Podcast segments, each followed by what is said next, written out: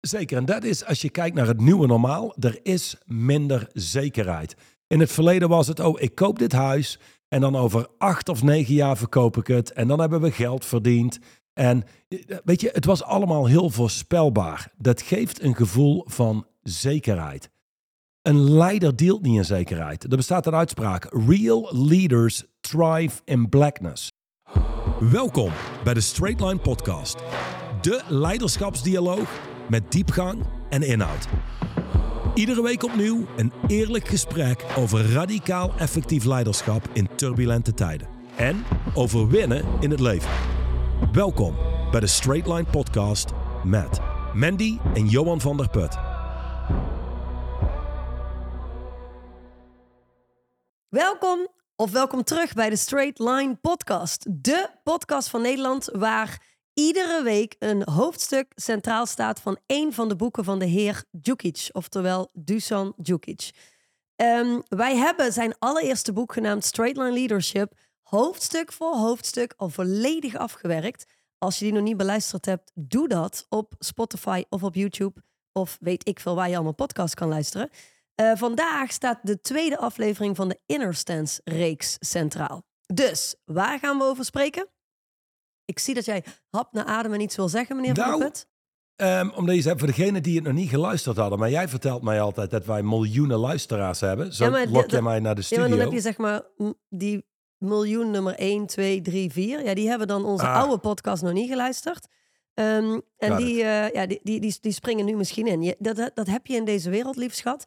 In deze wereld waar online spullen geplaatst worden, uh, ja, dan kan iemand zomaar in één keer in deze podcast invallen. Just, just so you know. Dus niet iedereen luisterde al. Oké, ik ging nee. ervan uit dat er miljoenen, miljoenen mensen waren. Maar oké, ja, helaas. Um, of misschien ook niet. Uh, wat belangrijker is, is dat de juiste mensen luisteren naar onze podcast. Niet per se zoveel mogelijk. Uh, terug naar de orde van de dag. Het boek Inner Stance: Distinctions for Living a Stronger, Faster, More Effective Life. Ik heb het vorige week al benoemd en ik blijf het kort benoemen. dit boek hebben we aan het begin van dit jaar uitgebracht. Is volledig Engelstalig, volledig van de hand van Duchan zelf. Um, er zijn er 5000 van gedrukt. Dit exacte boek wordt niet geherdrukt, dus komt niet meer terug. In dit boek, dit is niks anders dan een bundeling van een hele bulletins die Duchan in de afgelopen jaren geschreven heeft. Een aantal van deze bulletins zullen terugkomen in de nieuwe reeks, een heel aantal ook niet. Dus, zolang die nog niet uitgekocht is, zorg dat je je handen krijgt aan dit boek en dat je de bulletins mee kan lezen of na kan lezen als je onze podcast geluisterd hebt. Waar we vandaag over gaan spreken is het uh, eerste officiële hoofdstuk. Dus vorige week hadden we een soort van het cadeau-bulletin uh, behandeld. Make Your Life Matter. Als je die nog niet geluisterd hebt, doe dat zeker. Want dat is echt de context van het hele spel wat wij met elkaar spelen. Um, en vandaag gaan we in op nummer 1. The Old Normal is Dead, is de titel. Nu, dit bulletin is door Duchamp geschreven. Eh, ik zou willen dat ik het exacte jaartal wist, maar het is ergens tussen 2020 en 2023 geweest. Um, in de periode dat er um, veel te doen was rondom COVID.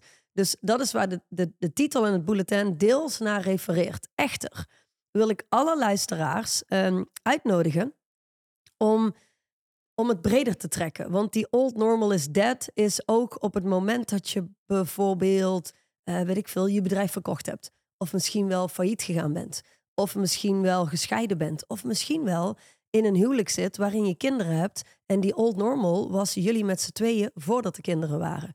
Of misschien wel, uh, die old normal was uh, mensen die vaak terugrefereren naar hoe het allemaal was in de jaren 80 en 90. Hè? hoe, toen de muziek of in nog veel beter branches was. op dit moment was het, ja, wij hadden geen sales team.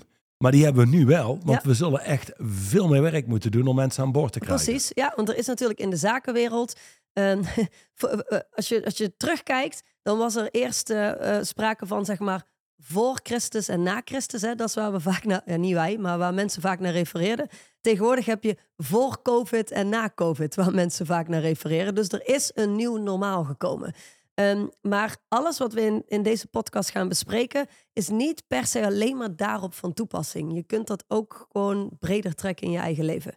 Um, uiteindelijk zijn er wel veel mensen die met ons werk in aanraking komen en die echt intensief met ons werk gaan werken, die zeggen er is een leven voor Straightline Leadership en een leven na Straightline Leadership.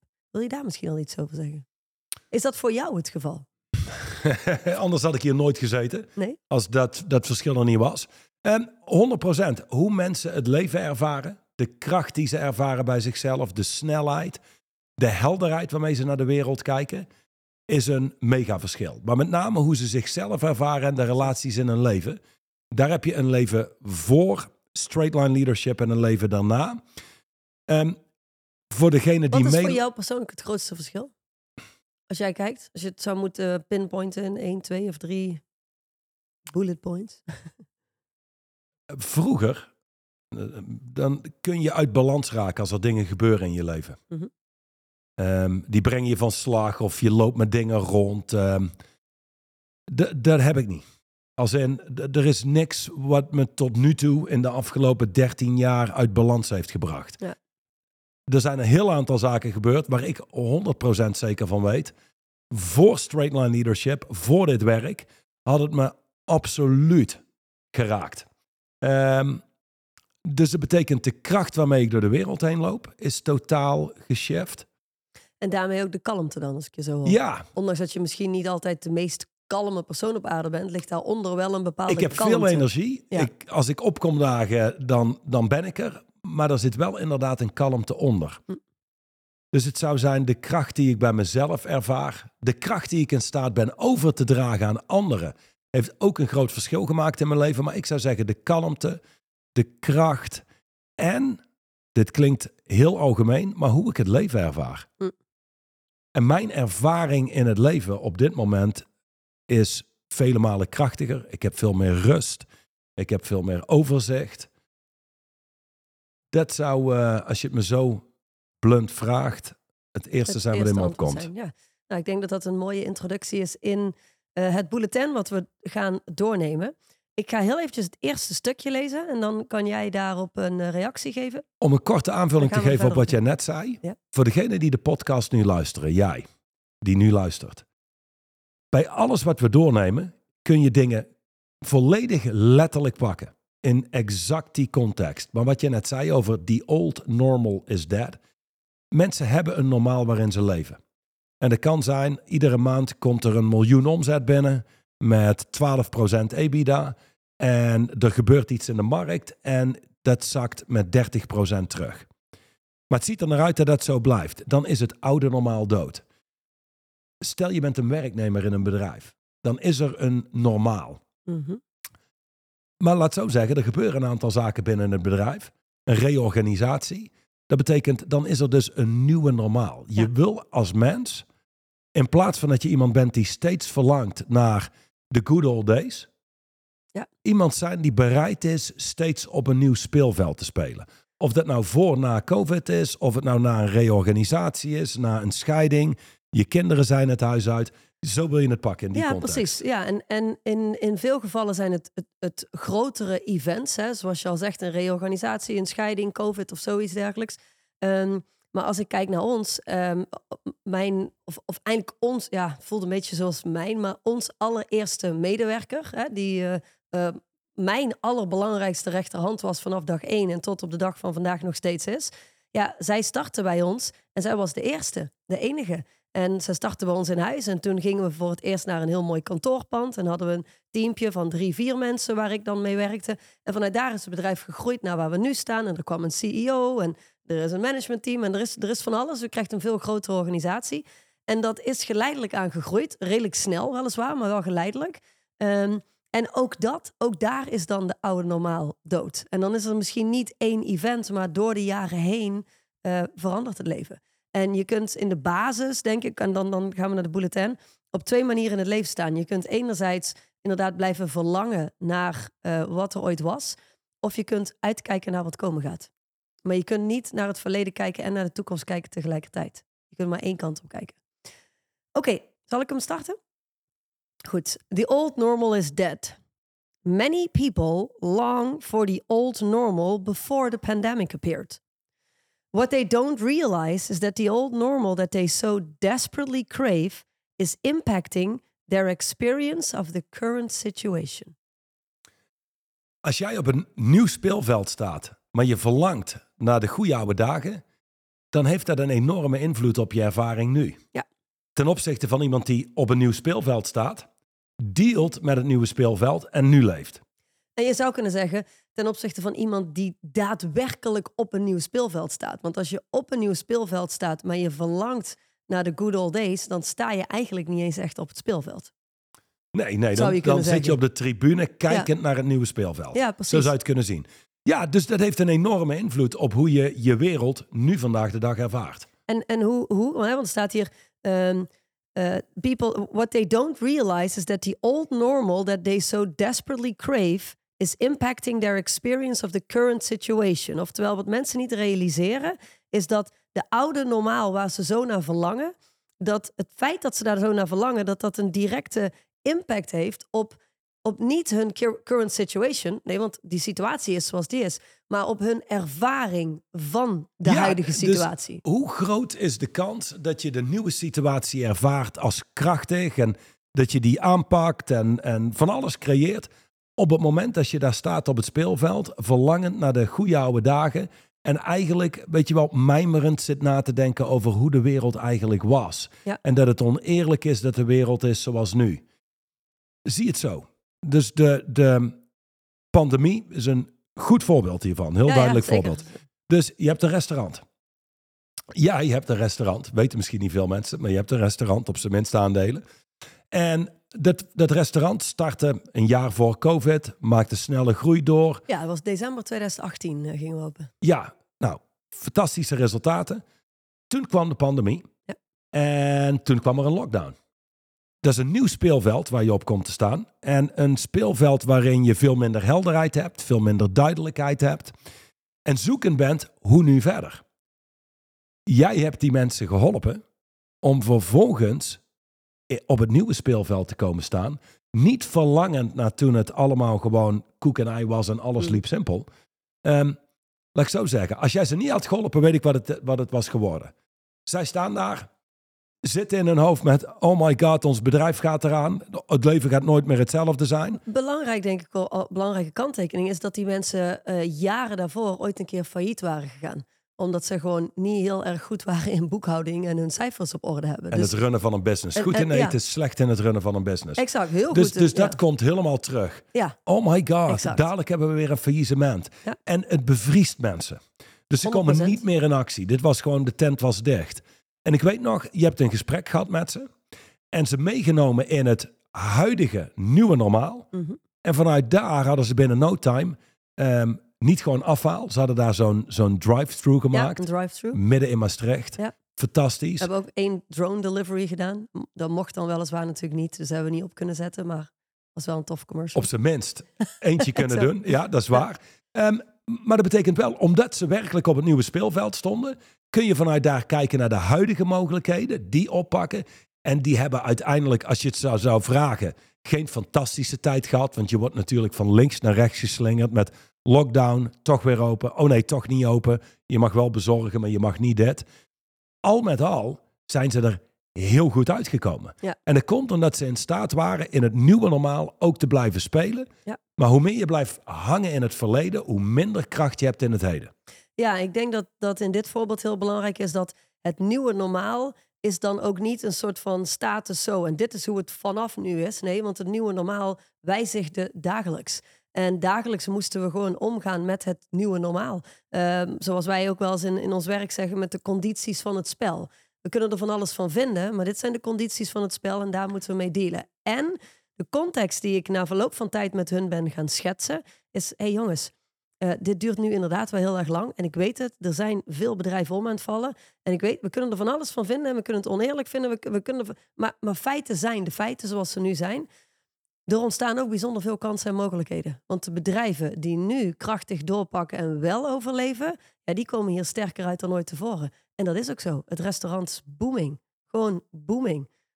Ongelooflijk. Zelfs gewoon alle dagen van de week zitten, zitten ze, want ik bedoel, ik heb een heel klein aandeel erin, maar zitten ze ehm, eh, heel erg vol en ze draaien beter dan, dan ooit tevoren, letterlijk. Ja, Dus, dus de distinctie die jij maakt, is wel een goede om aan te stippen. Veel mensen ervaren zaken op het nieuwe speelveld als problemen. We hebben dit probleem, we hebben dat probleem en dit lukt niet en dat werkt niet. Het is simpelweg een conditie van het spel. precies. Als jij voetbal speelt En de tegenstander die eh, pakt de bal af en die weet te scoren. Ehm, en je loopt daar als speler rond. Dus van, oh my god, we hebben een probleem. Ja, dan kijken mensen je aan en denken ze, wacht even, maar dit is het spel. Dit Ja. is de bedoeling. Dit is het onderdeel van het spel. Ehm, en als we dingen kunnen pakken, vasthouden, als zijnde condities van het spel in plaats van problemen, beweeg je wel veel makkelijker door fases heen. Ja, en dan kun je dealen met feiten in plaats van dat je verdwijnt in de verhalen en je emoties en allerlei meningen erover. Oké, de volgende zin pakken we op door. People who are desperate and struggling today simply never built themselves to deal with the existing challenges being experienced. Luister, terugkijkend zijn er veel ondernemers geweest die ik gesproken heb die zeiden: Ik heb er nooit zo bij stilgestaan. Maar als ik terugkijk, hebben wij het enorm makkelijk gehad. Wij hebben mensen in onze mentorship lidmaatschap gehad, zitten er nog steeds in, Mhm. maar de situatie is gewijzigd. Die hebben nooit een echt sales team gehad. Mm. Die hadden een aantal binnendienstmedewerkers die aan het wachten waren, letterlijk, Totdat er een telefoontje binnen. Totdat er een telefoontje binnenkwam of een aanvraag binnenkwam. Maar er kwamen doorlopend non-stop aanvragen binnen. Die je denkt, dit is net een paradijs. Ja. Als ik dit vertel tegen sommige van de cliënten waar ik mee werk. Die denken, dat is onmogelijk, dat kan niet. Die hebben grote sales teams.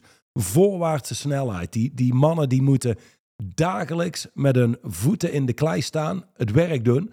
Om te zorgen dat er steeds nieuw bloed binnenkomt. Er zijn een heel aantal zaken veranderd. Ook in de retail zijn zaken veranderd. Dus die hebben in één keer een sales team. Voor hun onbegrijpelijk. Nu, je moet kunnen aanpassen. En, en ook beseffen, eerlijk, we hebben het echt enorm makkelijk gehad. Precies. Heel goed gehad. Ook restaurants zouden kunnen denken en kijken. Eerlijk, het was gewoon voor de pandemie super makkelijk. Het was bijna deuren open en er kwamen mensen binnen. 100 procent. En als jij gewoon een goed restaurant hebt, de kans dat je slaagt is zeer groot. Ja. Zeer groot. Nou, dan komt zo'n hele pandemie. Dan zie je al, mensen hebben gewoon niet gelet op hun huidige structuur. Hebben we geld aan de kant staan? Kunnen we tegen een stootje? Kunnen we tegen een klap? En in één keer word je Ja. geconfronteerd met hoe los je geleefd hebt. Hoe niet gedisciplineerd. En hoe makkelijk je het hebt gehad. Ja. Nou komt het volgende voorbeeld. Nou, je, je had het net over ehm, jouw eerste medewerkster, Vera. Vera. En laat zeggen, Vera die beantwoordt e-mails voor jou. En die begon en die moest zes e-mails per dag beantwoorden. Uitgebreide aanvragen, laten we dat even als voorbeeld nemen. Ja. En haar dag is gevuld met het beantwoorden van zes e-mails. Maar vervolgens groeit het bedrijf en het wordt drukker. En van zes moet ze naar acht e-mails beantwoorden. Oké, dus even aanpassen. Maar na verloop van tijd beantwo- beantwoordt ze gewoon die acht e-mails. En dit loopt op tot twaalf e-mails. Oké, en de hele dag is ze gefocust op het beantwoorden van die e-mails. En ze start om negen, ze is om vijf uur weg en ze doet die twaalf mails. Dan vervolgens wordt het vakantie of er is een pandemie en die e-mails stoppen. En het start weer op en het zakt terug naar zes e-mails. Denk je echt dat ze de helft van de dag kwijt is om die zes e-mails te beantwoorden? Nee, we zijn weer terug naar. We hebben een dag gewerkt Ja, en we doen die zes mails. Dus moraal van het verhaal is, als jij jezelf de hele dag de tijd geeft om die zes e-mails te doen, dan doe je daar de hele dag over. Vervolgens groeit aanvragen, je Ja. werk groeit, je verantwoordelijkheid neemt toe, maar je krijgt het gemanaged in dezelfde tijd. Een andere manier om dit te zeggen is zoals Elon Musk het deed. Als jij jezelf 24 uur geeft om je huis op te ruimen, doe je er 24 uur over. Geef jezelf drie uur, dan doe je er drie uur over. Ja. In andere woorden, mensen hebben standaarden. Standaarden verhogen kost even wat tijd en wat moeite. En je zult je daaraan aan moeten passen. Maar als je die standaard hebt staan, dan doe je het gewoon. Nou, eigenlijk als je dit vergelijkt met voor de pandemie, na de pandemie, voor veel bedrijven geldt. Wij hebben eigenlijk maar zes mailtjes moeten beantwoorden op een dag. Dit was eigenlijk a piece of cake. Maar we zijn daar al die tijd mee bezig geweest en dat heeft ook onze volledige tijd opgeslokt. Nu leven we in een realiteit waarin we een heel stuk meer moeten doen wellicht voor hetzelfde resultaat. Nou ja, dat is een nieuw speelveld. Je hebt geen andere optie dan het werk te doen. En ik zou zeggen, zet uit je hoofd hoe de wereld was. Dit is de nieuwe realiteit. Ehm, alleen het punt is, op dit moment als mensen groeien en krachtiger worden, krijgen ze meer gedaan. En dat is de realiteit waar we uitkwamen. Het was gewoon heel makkelijk. Ja, het was gewoon heel makkelijk. Dat is ook wat, wat Duchan in dit bulletin ehm, omschrijft. Wat ik denk dat belangrijk is als je kijkt naar deze zin. People who are desperate and struggling today. Dus mensen die het vandaag de dag um, moeilijk en zwaar hebben. Um, simply never built themselves to deal with the existing challenges being experienced. Oftewel, ze hebben zichzelf simpelweg niet gebouwd als mensen die om kunnen gaan met de uitdagingen die we vandaag de dag hebben. Ja, we hebben er nogal wat in de maatschappij. Bedoel, maakt niet uit in welke laag van de maatschappij je zit of, of, of in, in welke context je leeft. Iedereen heeft uitdagingen die er, die er voorheen een paar jaar geleden gewoon niet waren. En wat wij natuurlijk al jarenlang zeggen tegen onze leden, al ver voor de pandemic, is dat straight line leadership gives you tools to live with velocity and power in turbulent times. Echter wil je die tools eigen maken voordat die extreem turbulente tijden er zijn. Als je die mogelijkheid hebt. Kijk, nu zitten we er al middenin. Dus, uh, dus dan wil je de tools gewoon zo snel mogelijk eigen maken. Uh, maar er zijn genoeg bedrijven die op dit moment niet meer in extreem turbulente tijden zitten. En die thriven waar het allemaal uh, bijna gemakkelijk gaat. Hè? En het gaat ze allemaal gemakkelijk af. Maar ook die, juist dat zijn de momenten. Als alles in je leven gewoon loopt en alles gaat makkelijk dan wil je daarvan genieten, tuurlijk. En dan, en dan mag je allemaal prettig en lekker vinden. Maar ben je bewust van het feit dat je ook in die momenten jezelf zal moeten blijven bouwen als iemand die om kan gaan met turbulentie. Want anders krijg je, en dat staat verderop in dit uh, bulletin, dan krijg je dat je met de dag zwakker en zwakker en zwakker wordt, omdat het allemaal zo gemakkelijk gaat. En de dag dat het dan niet meer zo gemakkelijk gaat, ja, dan ben je gewoon fucked. De klos. De klos. Ik ben helemaal mee. Uh, en uiteindelijk is dat de kern. Je wil jezelf klaarmaken voor de rest van je leven. Ja, exact. Je kunt niet, en dan wil je, je kunt niet hopen dat het leven soepel blijft gaan nee. en dat alles meezet. Je kunt jezelf beter bouwen als iemand die om kan gaan met wat er dan in je leven ook op je pad komt. Ja. En voor degenen die hier meeluisteren en het idee hebben, ik word 84. Ik hoop het. Of, of niet. Inderdaad, ouder wordt, misschien 94. maar dan ga je dingen meemaken. Je gaat ja. mensen verliezen, je gaat tegenslag Precies. krijgen. Dus it's just life. Life is fired at you point blank. Daar niet mee om kunnen gaan wordt een heel zwaar leven. Nou, even terug naar de pandemie. Aan de ene kant heb je alle consequenties, zoals lockdowns en mensen die opgesloten zitten in huis, avondklokken. Eigenlijk, als je het vraagt aan mij, zeer ingrijpende maatregelen voor dat wat er gaande is. Maar goed, dat was a condition of the game. Exact. En ik heb dit vaker gezegd toen de tijd. Luister, als jij geboren was in 1915, dan had je de Eerste Wereldoorlog meegemaakt. Ja. Als je dan tegen de tijd dat je een, een jaar of 40, 50 was, twee wereldoorlogen meegemaakt, dan was het niet. Ik heb niet het idee dat ik mijn purpose leef. Ik heb niet het idee Nee, dat ik mijn zielenmissie heb gevonden. Dat zou zijn, man, shut up. We hebben werk te doen. Blijf, blijf bij de les. En het zijn alleen maar problemen die je hebt als je niks om handen hebt. 100%, dat is 100% waar. En dat, die- conversaties, die collectieve conversaties, wel wat mensen natuurlijk in general gewoon zwakker gemaakt heeft. Ik bedoel, eh, het is heel cliché, maar het zijn de zware tijden die krachtige mensen creëren. En het zijn de goede tijden die zwakke mensen creëren. En we hebben nou eenmaal hele, hele, hele goede tijden gehad. En het heeft zwakke mensen gecreëerd. En ik ben het eens met jou als jij zegt, ja, de, de, de ingrijpen, zeg maar, de maatregelen waren behoorlijk ingrijpend ten opzichte van wat er werkelijk gaande was. Er zijn daar de meningen over verdeeld, maar ik, ik deel jouw mening. Ehm, tegelijkertijd moet ik ook heel eerlijk zeggen dat er zoveel mensen zijn die aan het vechten zijn voor eh, onze jongeren en onze jeugd. En kijk wat ze aangedaan is. En dit en dat en zus en andere dingen. En dan denk ik echt, jongens, jongens, jo- we- laten we ook niet overdrijven. Als in, ik begrijp dat het, dat het invloed heeft gehad op, een, op de jeugd. Ik begrijp dat het invloed heeft op een kind of een tiener die eh, zijn vriendjes niet mag zien en al die andere gekkigheid. Allereerst, als ouder zijnde heb je daar nog zelf controle over gehad, ben ik van mening. Ik bedoel, wij hebben ons leven nog steeds zelf eh, ingedeeld en bepaald.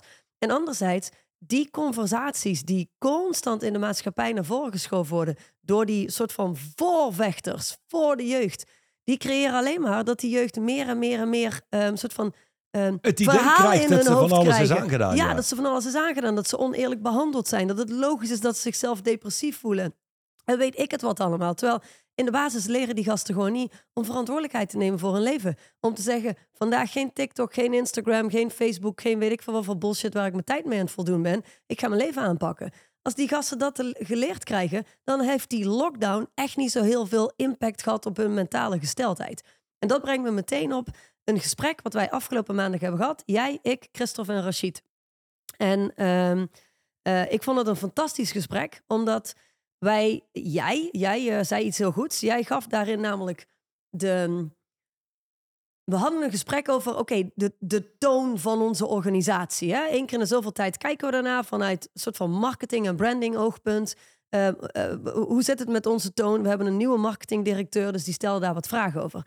En jij zei, en toen dacht ik, goh, dat vind ik echt heel, ik vind dat super spijker op zijn kop. Jij zei, als ik heel eerlijk terugkijk, hebben wij de afgelopen, eh, weet ik veel, periode, maanden, jaar, whatever het dan ook is, eh, zijn we langzaam iets meer geshift naar being against victimhood instead of being pro-ownership.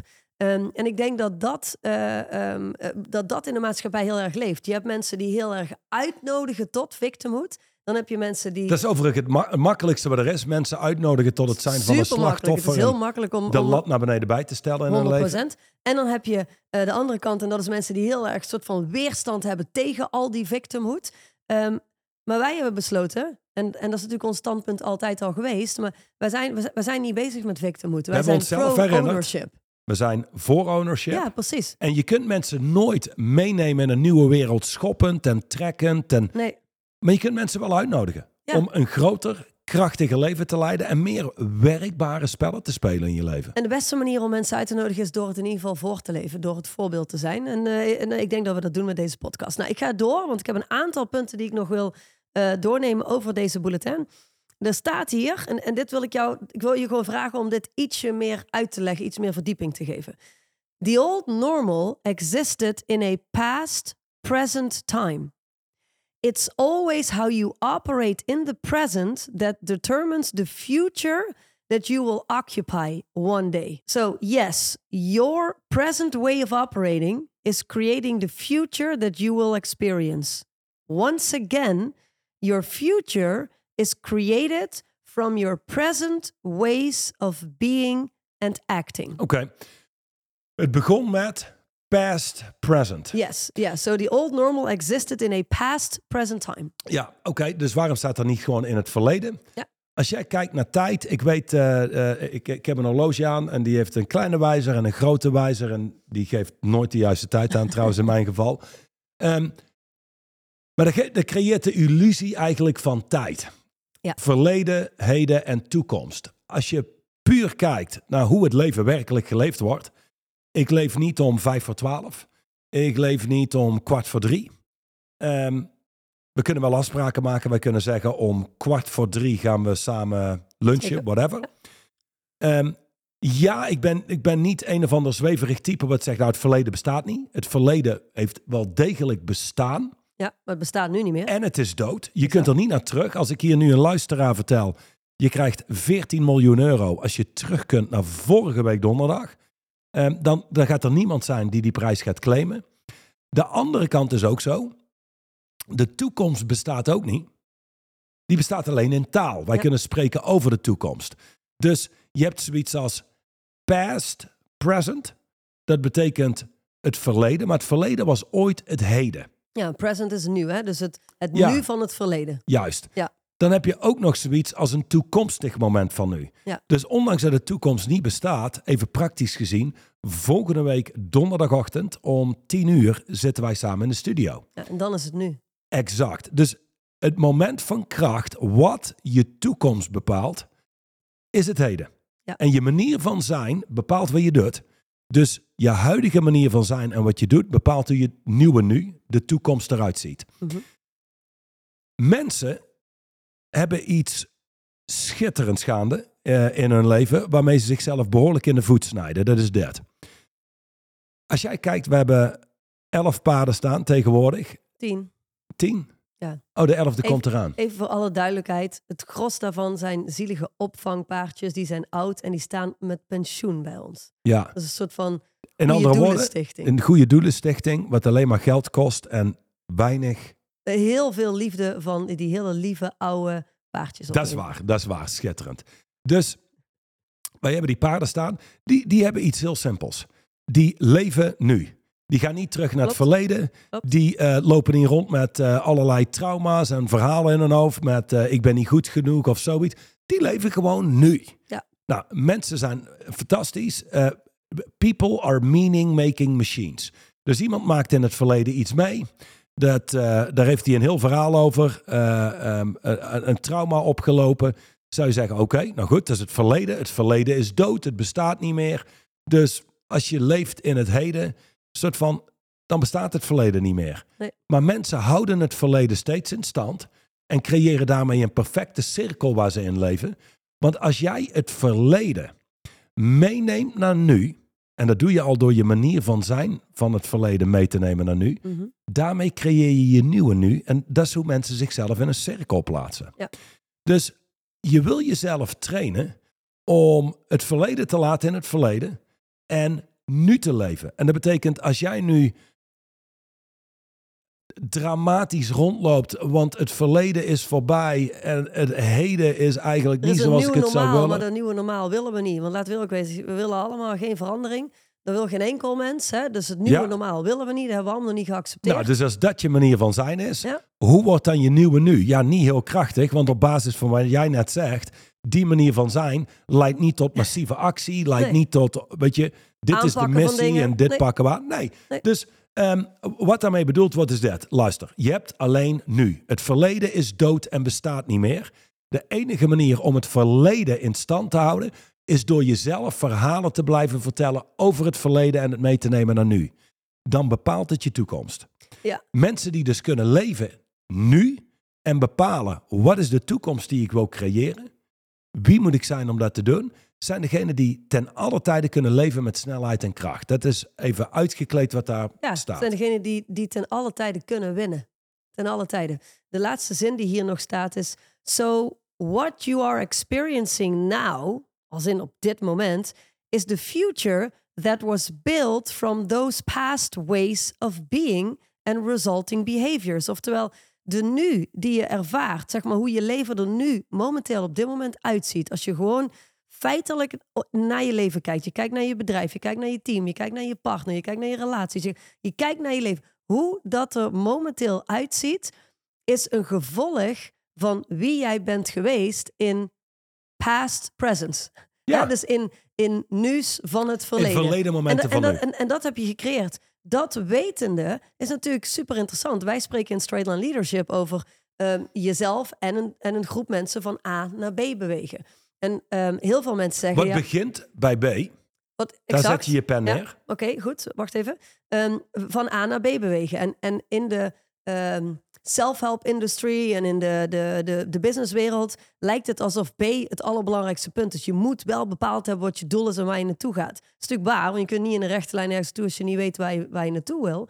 Ehm, maar als je niet weet waar je vandaan komt, als je niet weet waar je je momenteel begeeft, hoe punt A eruit ziet en belangrijker nog, hoe je bij punt A bent gekomen. Wie je bent geweest, wat heeft gecreëerd dat deze punt A er nu is. Ja, dan, dan ga je automatisch eh, bij punt B dezelfde punt A krijgen. Eén ding is simpel, je bent sowieso op weg naar waar je naartoe gaat. Ja, 100% En als je niet weet waar je vandaan komt, heb je geen idee waar je naartoe gaat. Ja, dus, het is, eh, eh, dus dat is hoe, hoe je dit wil bekijken. Je- Hoe, wie jij in het verleden bent geweest, en dat kan zijn vorige week, vorige maand, vorig jaar, of voor mij part tien jaar geleden.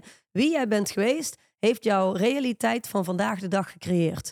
En je kunt niet meer terug in het verleden, dus je kunt daar niks meer veranderen, je kunt daar ook niks fixen. Echter, wie jij vandaag de dag bent, creëert een toekomst. En dat kan zijn de toekomst waar je al naar op weg bent, of je gaat bewust creëren en je creëert een nieuwe toekomst. Niet diegene waar je al naar op weg bent, maar degene die je kiest naar op weg te zijn. Dat is in de basis met al jouw aanvullingen wat dit stukje tekst zegt. Ja, nou goed, dus ik zou vooral zeggen, lees, eh, lees het hele bulletin. Zorg dat je het boek in handen krijgt.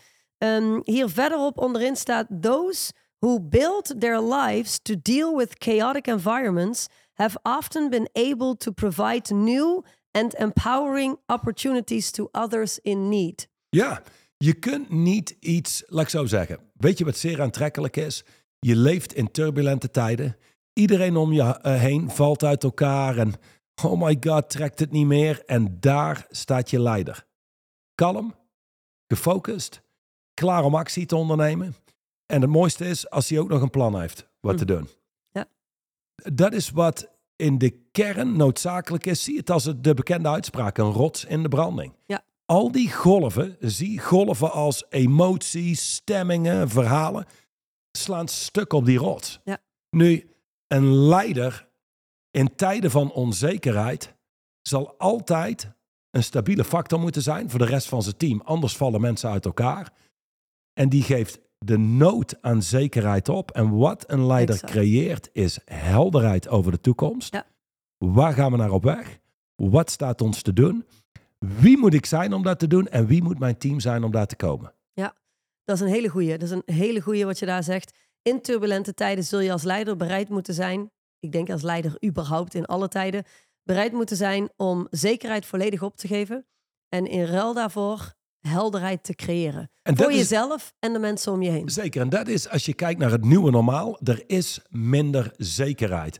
In het verleden was het, oh, ik koop dit huis en dan over acht of negen jaar verkoop ik het en dan hebben we geld verdiend. En eh, weet je, het was allemaal heel voorspelbaar. Dat geeft een gevoel van zekerheid. Een leider deelt niet in zekerheid. Er bestaat een uitspraak: real leaders thrive in blackness. Hm.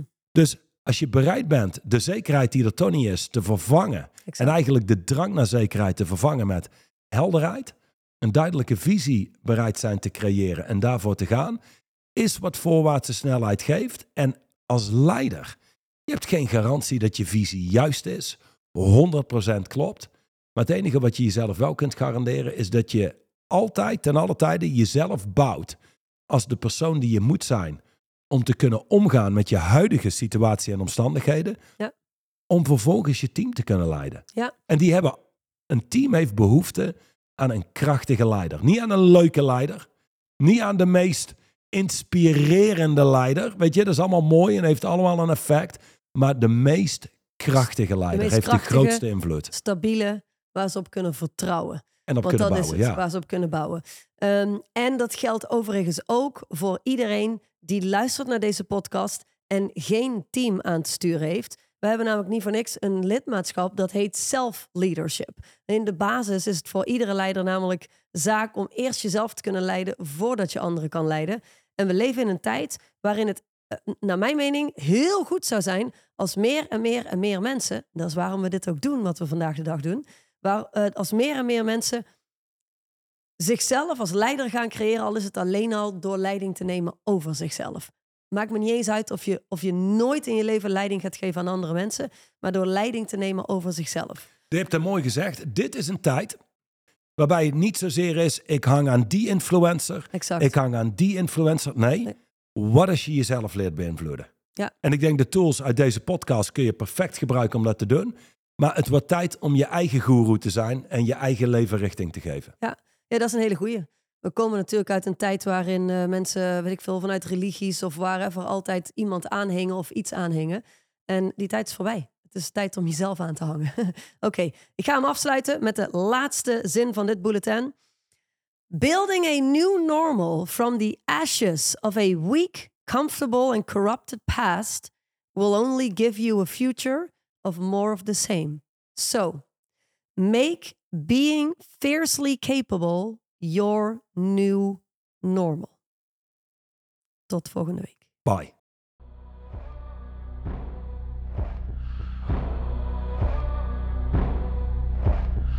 De overige podcast beluisteren of deze nog eens terugluisteren? Ga naar het YouTube of Spotify account van Straight Line Leadership.